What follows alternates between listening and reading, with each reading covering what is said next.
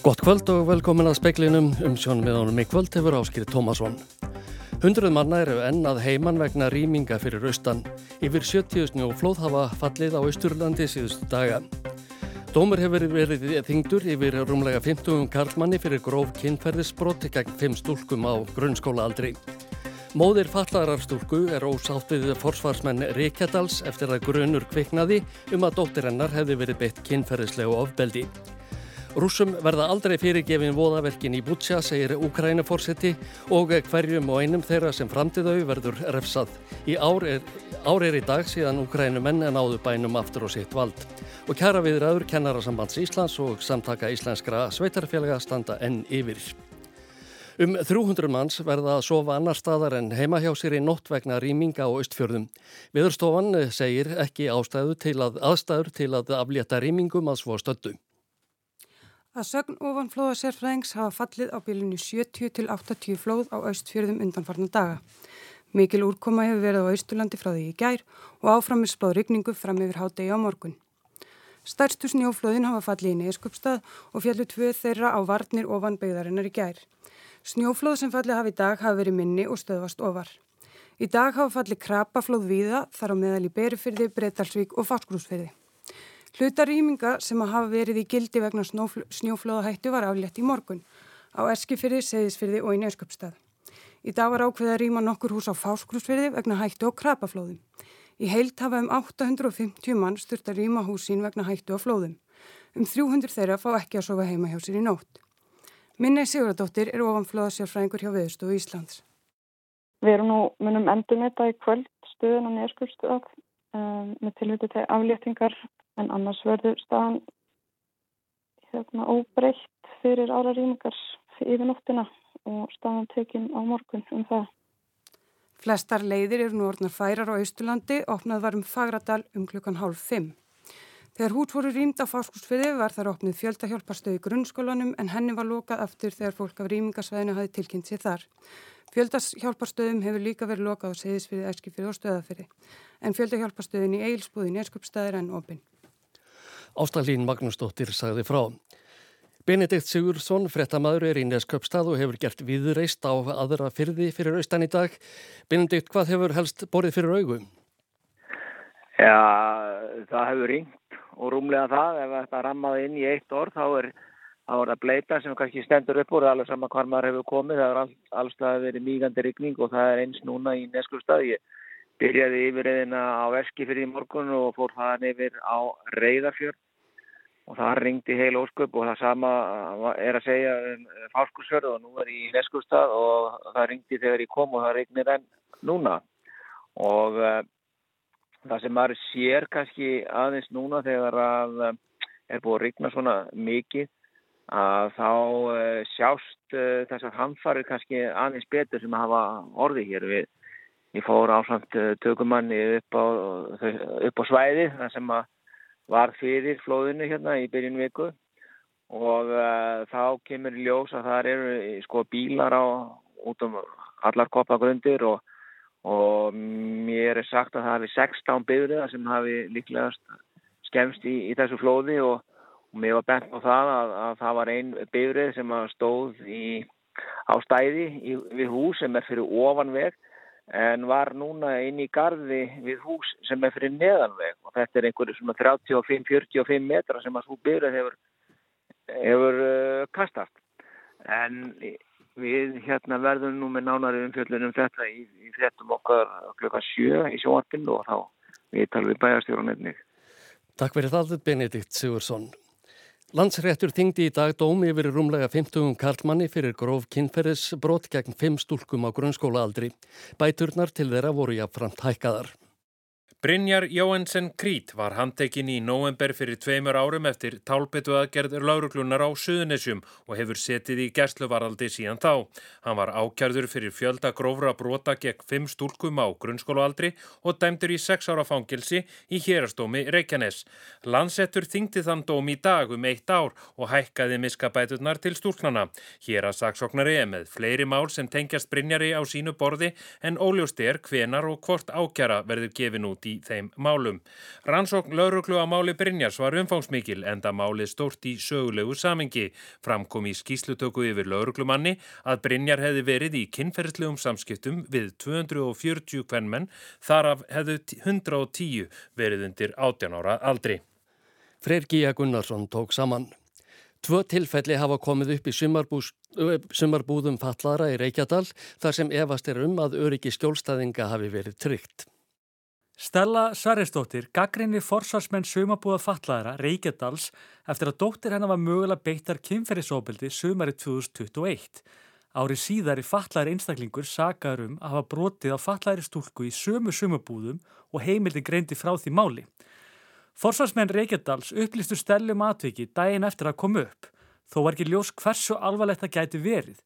Stella segir að það hafi verið látið í veðri vaka að þetta hafi verið saklu skot en annað hafi komið í ljós þegar Stella spurði dóttu sína hvort hún væri komin með kærasta. Nei, þá var hann strax mjög alvarleg og sagði nei, þú veist, hann er sko alls ekki kærasti minn og, og svo kom bara lýsingin og þú veist að hann hefði látið hann að fóru fötunum og, og lagt stofan á hann og þannig að hún saði strax frá því þannig að þetta var ekkert sem hún vildi. Spur hvernig hún hafi brúðist við, svara Stella. Sko ég verð bara að játa að ég bara var eða svo slegin þarna um kvöldi, ég gerði bara ekkert strax. Stella tilkynnti máli til lögreglu en rannsókn var fælt niður. Stella setti sér samband við Reykjadal og stóði þeirri trú að verklagsferðlar myndu breytast. Í söru var Reykjadal í fullitt að skert hafi verið á verklagsreglum en þegar Stella er spurð hvernig henni leið þegar hún las umfjöldun heimildarinnar um samskona mál árið síðar svarar hún. Þá var þið eiginlega sko fjúkandi reyð. Valur Grettisson sagði frá og talaði við Stellu Sverrisdóttur, nánari fjallaði um málið á rúf.is. Kjaraviðræður Kennarasambands Íslands og samtaka íslenskra sveitarfélaga standa enn yfir. Formaður Kennarasambandsins segir að samflót með BSRB og BHM hafi gengið vel hvað varðar sameilega hagsmunni og fimbera starfsmanna en nokkrir þættir standi út af. Aðildarfélög BSRB og BHM hafa þegar náð samkommulagi við ríki og borgum launahækkanir og kjarabætur. Þetta eru skamtíma samningar sem gilda í 12 mánuði frá og með 1. apríl. Félögin voru í samfloti með kennarasambandi Íslands í kjaraviðraðum við þið ofinbera. Nú er svo komið að kennarasambandið er eitt eftir en samningar renna út á miðnetti. Magnús Þór Jónsson, formaður sambandsinn, segir að samstarfið hafi gengið mjög vel og getur hugsa sér að endurtaka leikin næst þegar samningar eru lausir. Við erum bara fyrir okkur í átt að ásættilegri niðurstöðu fyrir félagsmönnum um, um, um þá liðir sem við teljum þurfa að liggja klára áður við, áður við leggjum samningin í dóm félagsmanna. Og hvað er svona helstu atrið sem standa út af?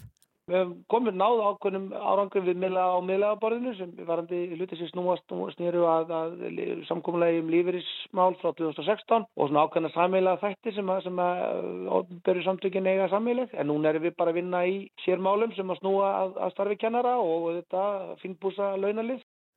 Þetta var Magnús Þóri Jónsson, Alma Ómarsdóttir talaði við hann.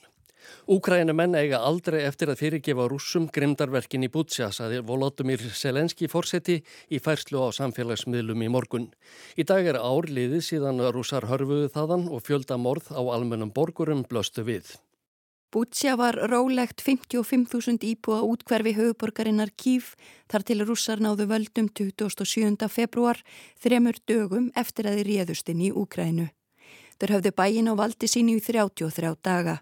31. mars komst Úkrænu erðangað og stuttu síðar bladamenn og hryllingurinn varð öllum ljós. Lík almennra borgara sem flestur höfðu verið skotnir lágu á gödunum.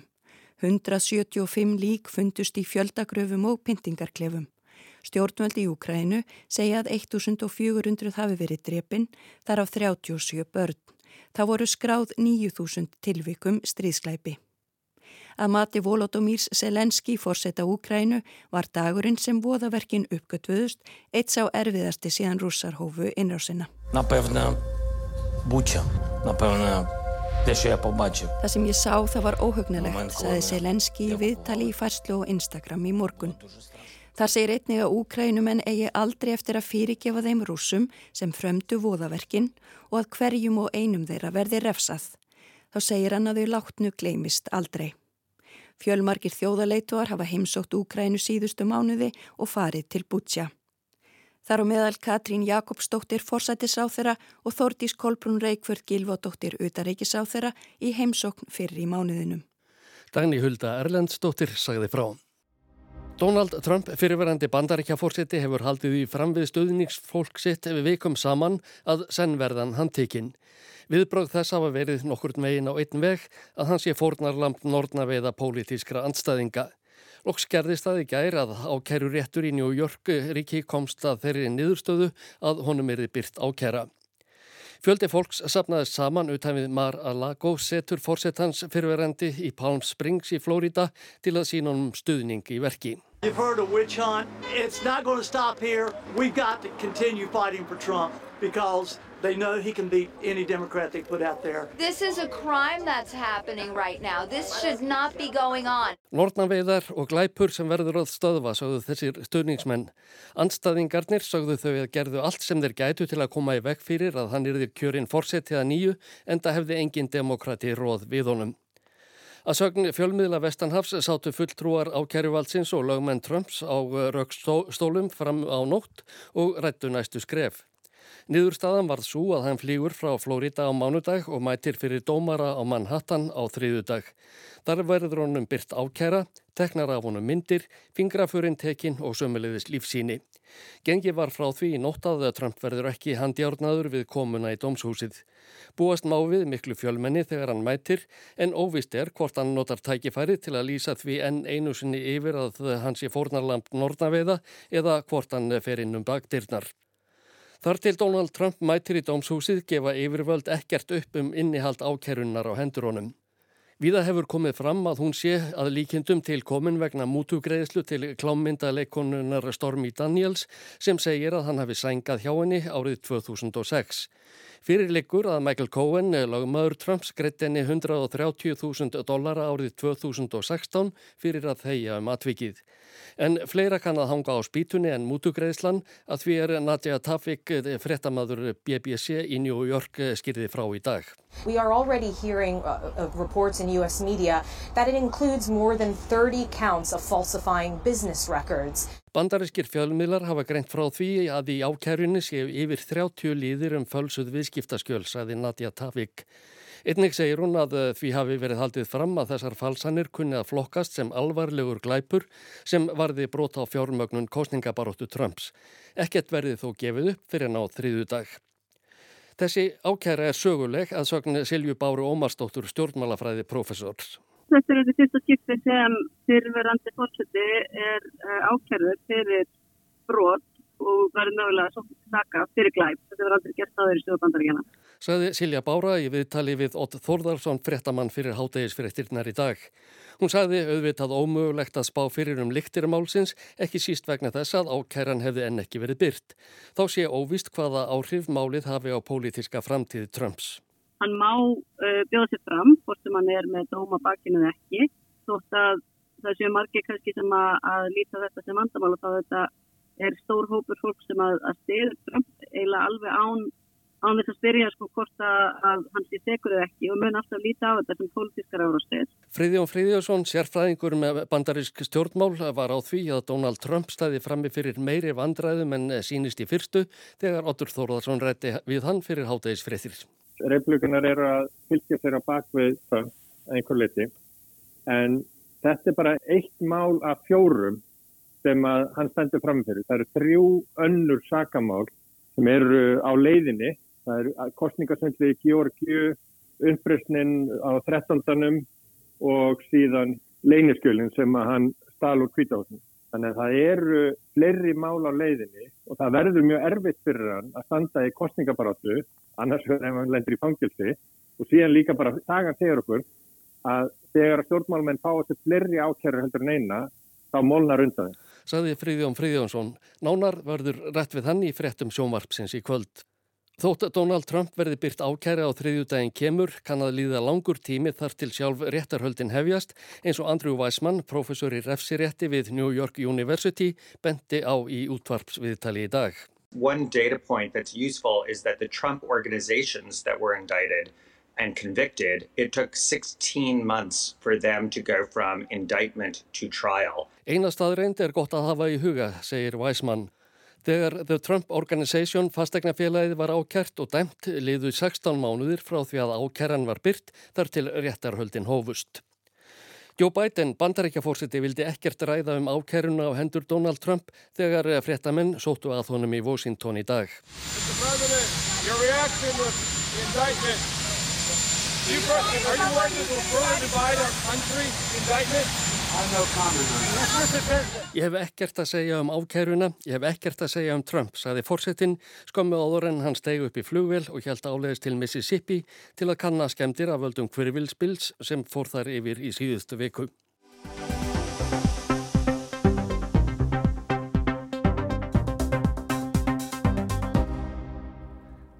Síðasta tölublað frettablaðsins kom út í morgun eftir 22 ára útgáfu. Hátt í 100 manns mistu vinnuna þegar útgáfu félagi Torg EHF tilkynnti að útgáfu frettablaðsins hefði verið hægt og útsendingar sjónvarpstöðvarinnar ringbrautar eruðu stöðvaðar. Valgjörur Anna Jóhannsdóttir, lektor í blada og frettamennsku, segir stöðuna graf alvarlega. Ég hef nú heyrt í frettum í dag að fólk hefur verið að um, kalla þetta sorgardag fyrir íslenska fjölmjölinn og ég held að það sé alveg ótt að taka undir það. Um, þetta er sorgadagur þetta er graf alvarleg staða hjá uh, engareknum um, fjölmjölum hér á landi. Það var fyrir já, fimm árum gefin út skýsla sem að var unnin fyrir þá mentamála ráðunitið sem að hérna eh, var að skoða sagt, þetta rekstrar umkörfi og það er tabla uh, þar sem er svona listi yfir fjölmjöla og, og svona rekstrar staða þeirra og af þessum 11 fjölmjöla fyrirtækjum í þessari tablu eru þrjú núna eftir í óberettri mynd. Hinn eru ímist runnin saman við eitthvað annað eða reynilega alveg horfin. Og þetta er nú ekkert mjög langur tími þannig að það kannski segir manni það að, að staðan er mjög alvarleg. Nú er eitt landsmála dagblað gefið út á Íslandi. Eh, við erum með tvær ljósvaka fréttastofur og engareknir fjölmilar allir berjast í, í bökkum. Fjölbreyttir fjölmilar, öflugir, rittstýrið fjölmilar eru hverju samfélagi nöðsynlegir. Vilji það vera líðræðið samfélag og hafa heilbreyða um, samfélagsumræðu og þegar það fækkar sífælt í þessum ranni þá fækkar þetta röddunum og, og bólmagn þeirra sem eftir eru er bara alltaf að verða minna og minna. Við verðum að hafa fjölmjöla sem að sko spegla Íslands samfélag, íslenska menningu, líf, Íslendinga veita svona já, nöðsulegt aðhald öllum valdtöfum, viðskiptum og, og stjórnmálum og, og hvað sem er. Já. En einmitt komandi inn á það að þetta eh, sé nöðsulegt til þess að veita aðhald, til þess að e, já, upplýsa almenning um alls konar hluti sem annars myndur kannski ekki líta dagsins ljós, þurfum við að hafa áhyggjur að því hreinlega að já, eina leginn til þess að reka og eiga fjölmiðil sér hreinlega að já, eiga þá peningana og völdin eða, eða hagsmuna tengslinn sem að fylgja því alls saman? Já, það er auðvitað, e, ef að það er ekki e, svona, hvað getur maður sagt, e, heilbröður peningalegur ábati af því að reyka fjölmiðil, að þá eru þetta mörg dæmi um það, sko, hér og annar staðar að, að það er þá kannski frekar verið að hugsa um áhrifin sem að þú getur haft á, á umræðuna Það var þetta þannig og maður heyrir nú stundum fólk vera svolítið að kalla eftir því að um, þegar við höfðum hér gamlu flokksblöðin og þá, þú veist, las maður bæði þjóðlan á mokkan og þá kannski fekk maður ykkur hugmyndum hvað var að gerast og sumir horfa svona með um, einlítili fortíðar þrá til þessa tíma. Já. Sjálf er ég nú þeirra skoðunar að, að það sem að, að okkur vantar helst eru ekki fleiri skoðanir. Það er alveg nóg frambóð af þeim en það þarf að vera einhver möguleiki á að fólk fái upplýsingarnar sem það þarf til þess að byggja allar þessar skoðanir á. Í rauninni hafa fréttir per seg aldrei verið gróðavegur. Eh, það var svona hliðar afurð eða aukaverkun af því að auglísendur þurftu að, að koma sínum hérna, skilabóðum til fólks.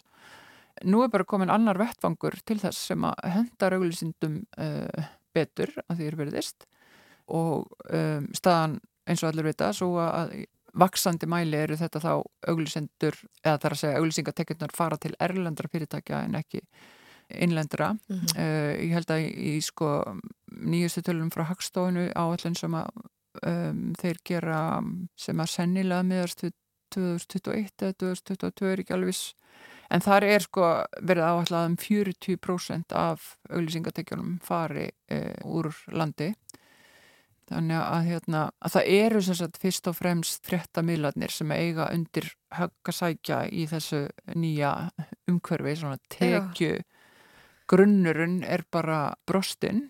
Það kann að breytast með tíð og tíma. Nú mjög sókt, um, ekki síst kannski af, af verðbúrsambandinu, að þessum stóru teknifyrirtækjum mm -hmm. uh, og maður á eftir að sjá hver þróunin verður þar.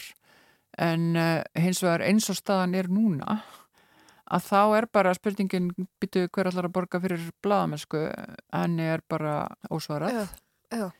En þá er mitt komið kannski að þessari spurningu sem er eflust, já kannski ekkert e, svar við akkurat núna. Hver er lausnin á þessu? Er, serð þú eitthvað fyrir þér? Hvernig væri hægt að leysa þessu stöðu? Sko ég held að það sé engin einn lausn í þessari stöðu. Það var samþygt hér lög uh, 2020 sem að voru ákveðin tímamót uh, og mörguðu stefnu breytingu í fjölmjöla stefnu á Íslandi þegar að var ákveð að styrkja enga regna fjölmjöla.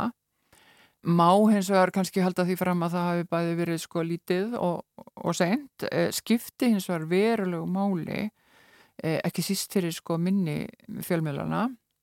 Það frumvarpar hins, eða þau lög voru hins vegar sko runnu sitt skeið í, í lók síðast árs og, og það liggur fyrir sagt, þetta frumvarpum að halda því áfram það er hins vegar hvar það endar eh, veit nú enginn kannski.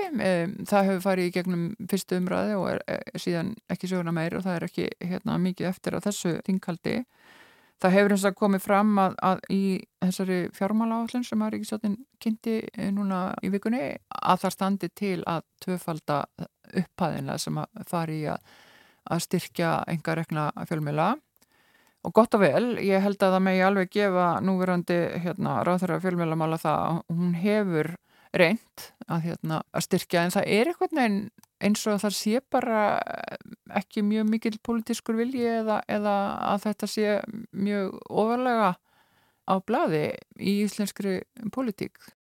Þetta var valgerður Anna Jóhansdóttir, Hafdís Helga Helgadóttir talaði við hana.